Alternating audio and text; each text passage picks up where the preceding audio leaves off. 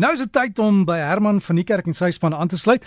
Hulle is op die oomblik in Antarktika en Herman, ek het julle koördinate gekry. Jy het gesê julle is wat so minder as 100 km weg van die basis af. Gaan dit goed met julle? Goeiemôre Derek en goeiemôre aan almal in Suid-Afrika. Ja, dit gaan heel goed. Um, hierdie verlede week, jy weet, die weer het uiteindelik begin opklaar en ons kon toe nou uit die basis uitgaan.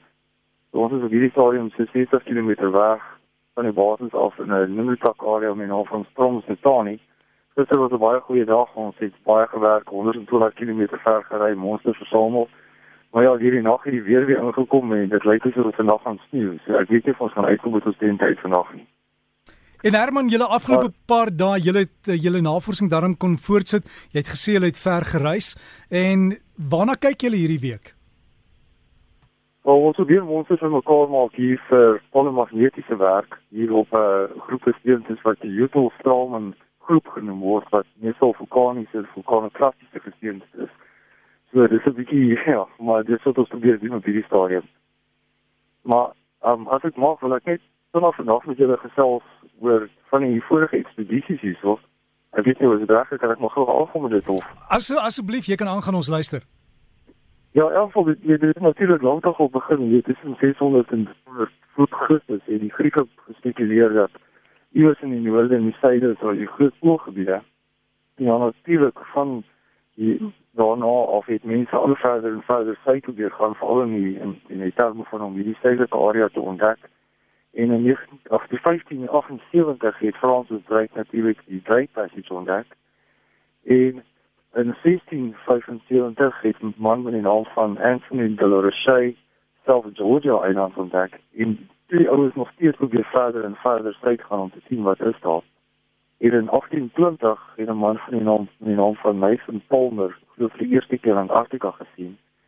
En in 1851 tot 1853 het Mercator Cooper uh, vir die eerste keer geland op wat genoem word Outpost. En dit was die eerste gedokumenteerde landing op die Antarktiese kontinent. Ja, natuurlik het dit mense weer daar geweldig baie ekspedisies toe wat deur die jare uh, afgekom het na Antarktika toe. Maar ehm um, weet ek net so 'n paar noem wat baie interessant is en dit was 'n redelike belangrike vir ons in hierdie area. En die eerste jy weet daar was geweldig baie bespiegeling oor hoe die reg eerste voet in walgesit het op hierdie kontinent. Maar die eerste groep wat geoorwinter het was die Belgiese Antarktiese ekspedisie en dit was in 18 79 tot 1878. En dan natuurlik is daar die baie bekende weet ekspedisie deur Roald Amundsen die nou weer wat die eerste keer die suidpool bereik het op 14 Desember 1911 wat net kort na hom volgens deur Robert Falcon Scott en almal ken natuurlik daai geskiedenis. Maar dan is ook ander stories wat mense kan gelees in 1929 het Richard Beard vir die eerste keer gevlieg tot op die Suidpool. En dan natuurlik vir my een van die die mees uitsonderlikste van al hierdie verhale was die sogenaamde Imperial Trans-Antarctic Expedition in 1914 tot 1917 wat gelei is deur Sir Ernest um, Sir Ernest Shackleton. En mense kan gerus van lees in die storie oor leierskap nadat hulle hulle skip Endurance opgebreek is in die ys en hulle vir 'n lang lang tyd op die ys self moes oorleef het. En op Elwyn het Sir ehm um, Shackleton natuurlik al sy ouens lewendig uitgekry, 'n ongelooflike storie om te lees. Dit word ook die Endurance ekspedisie genoem. Dan in 1946 tot 1947 is daar een wat natuurlik lei tot baie samensweringsteorieë en dit is die Amerikaanse Operation High Jump wat hulle die hele Antarktiese kontinent gefotografeer het en almal bespiegel natuurlik hoekom jy waarvoor soek hulle. En dan is daar baie interessant die een 1949 tot 1952 die gekombineerde gekombineerde Noorse Britse Sweedse Antarktiese ekspedisie onder leiding van John Guyver. En dit was die eerste multinasionale ekspedisie hier en hulle het 'n basis gebou hier in die omgewing in die naam van Nordheim in 1950 baie interessante storie ook een van die geoloë op die ekspedisie het 'n stuk klip in sy oog gekry en sy oog het gesensitief raak en hulle moet sy oog verwyder het hier. En niemand het regtig geweet hoe om dit te doen en dit was alles per radio gekommunikeer en dit is nog 'n 'n geweldige storie om te lees. Maar dan vir ons in 1960, wel net voor dit in 1958 was daar eerste tog oor die kontinent, die Commonwealth Transatlantic Expedition en in die groep was daar 'n Suid-Afrikaner gewees in die naam van Hans Lagrange.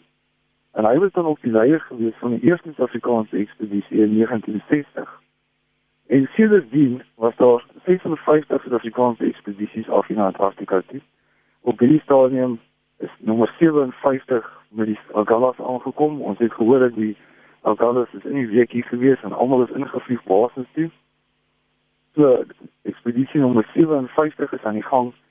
En dan wil ek ook net noem hier dit um hier al die ekspedisies wat hier was in Suid-Afrika, daar was natuurlik twee kante tot die ekspedisies, daar was die mense wat afkom en hier bly vir 'n redelike lang tyd, 13 tot 14 maande, hulle oorwinter om die basis aan die gang te hou. Natuurlik is dit later sal praat. Maar daar was natuurlik ook in al die jare vyf manne dood hier onder en ek kon net genoem, hulle name is Gordon Mackey. Hy is in 1969, Jeff Bell 1980 Pierre Venter in 1995, Jewels Voice in 2006 en Johan Jan in 2009. Maar ehm um, ja, begin meer op 'n ligter trant. Hier is natuurlik ook 'n dokter hieronder, 'n uh, dokter met naam van Abigail Patton of Patton, ons almal ken haar as Abby. Dis nou al vierde seisoen in Antarktika, maar wat sonderlik is, is dat sy nou al 3 jaar na mekaar is sonder om terug te gaan Suid-Afrika toe en haar ekspedisie kom tot 'n einde nou as ons teruggaan by die Israel Gulf. So hier is geweldig baie geskiedenis hier onder en ja mense moet 'n bietjie gaan oplees want dit is regtig vir baie interessante stories van wat mense hier onder gedoen het in hierdie omstandighede. Wel Herman baie dankie vir daai geskiedenisles maar ook sterkte aan julle en ek haal regtig my hoed vir julle af wat daai elemente trotseer om die navorsing te gaan doen en ek hoop julle gaan 'n wonderlike Kersdag ook hê. Wat doen julle Kersdag Herman? Ehm, um, wel, as jy weer reg is van ons moet ja. maar die ouens by die basis het vir ons 'n bottel rooiwyn gegee, so ons moet seker 'n glasie rooiwyn drink. Wat dit is nog Kersdag vir my. Wel Herman, geseënde Kersfees vir jou en die span en voorspoed daar op julle pad en ek kyk uit vir nog foto's as jy weer sy net stuur asseblief en dan kan ons dit met almal deel.